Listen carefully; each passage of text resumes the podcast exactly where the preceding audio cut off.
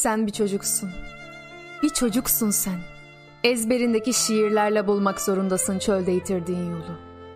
Yeryüzü şenliğinin azımsanamaz bir parçasıdır yaktığın ateş. Kıvrıldığın dönemeç, açtığın şemsiye, kucakladığın yaşlı ağaç. Tuhaf bir çocuksun. Burnunu tıkasalar, gözlerinle soluk alırsın. Gözlerini bağlamaya kalksalar, kalsiyum ve kalker destekler seni. Yeraltı suları destekler seni. Bütün evler boşaltılmış. Herkes dışarı dökülmüş. Taşıtlar adam almıyor. Sinemalar tıklım tıklım. Sokaklarda insan başlarında bir nehir. Meydanlar insani tabaka görülmemiş bir çiçeğin taç yaprakları gibi. Sen ve seninkiler ovalarda değil, denizlerde değil, durgun ve çalkantısız, bulanık ve ılık göllerin dibinde büyüdünüz. Bu yüzden seni başarı hanesine yazmıştır mavi oksijen, desteklemiştir seni. Bir arkadaşın vardı ki, neşeliydi el ilanları kadar. Biri de vardı ki, on yıl kadar önce, kesilmiş odun yığınları arasından geçerken, ne gelirse söylerdi ağzına. Her şeyi öperdi.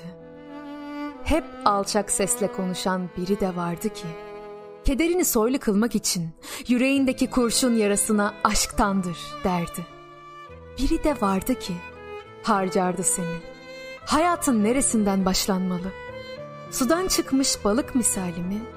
Yoksa suya düşmüş karınca gibi mi? Kendine sormayla başlamalı neden varım diye.'' Çıkarı için yaşayan insanlar için mi? Veya vefa bilen insanlar için mi? Kaybolan yıllarının feri kaçmış gözlerde aramak mıdır varlık?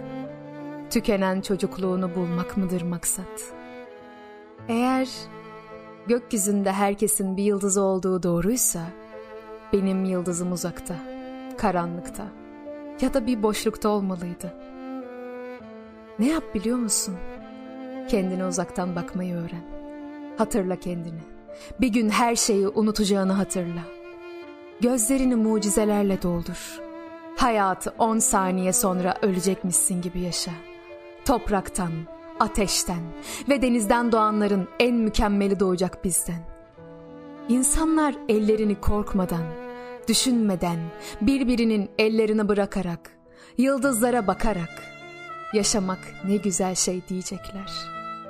Bir insan gözü gibi derin, bir salkım üzüm gibi serin. Bir ferah, bir rahat, bir işitilmemiş şarkılar söyleyecekler. Hiçbir ağaç böyle harikulade bir yemiş vermemiş olacak.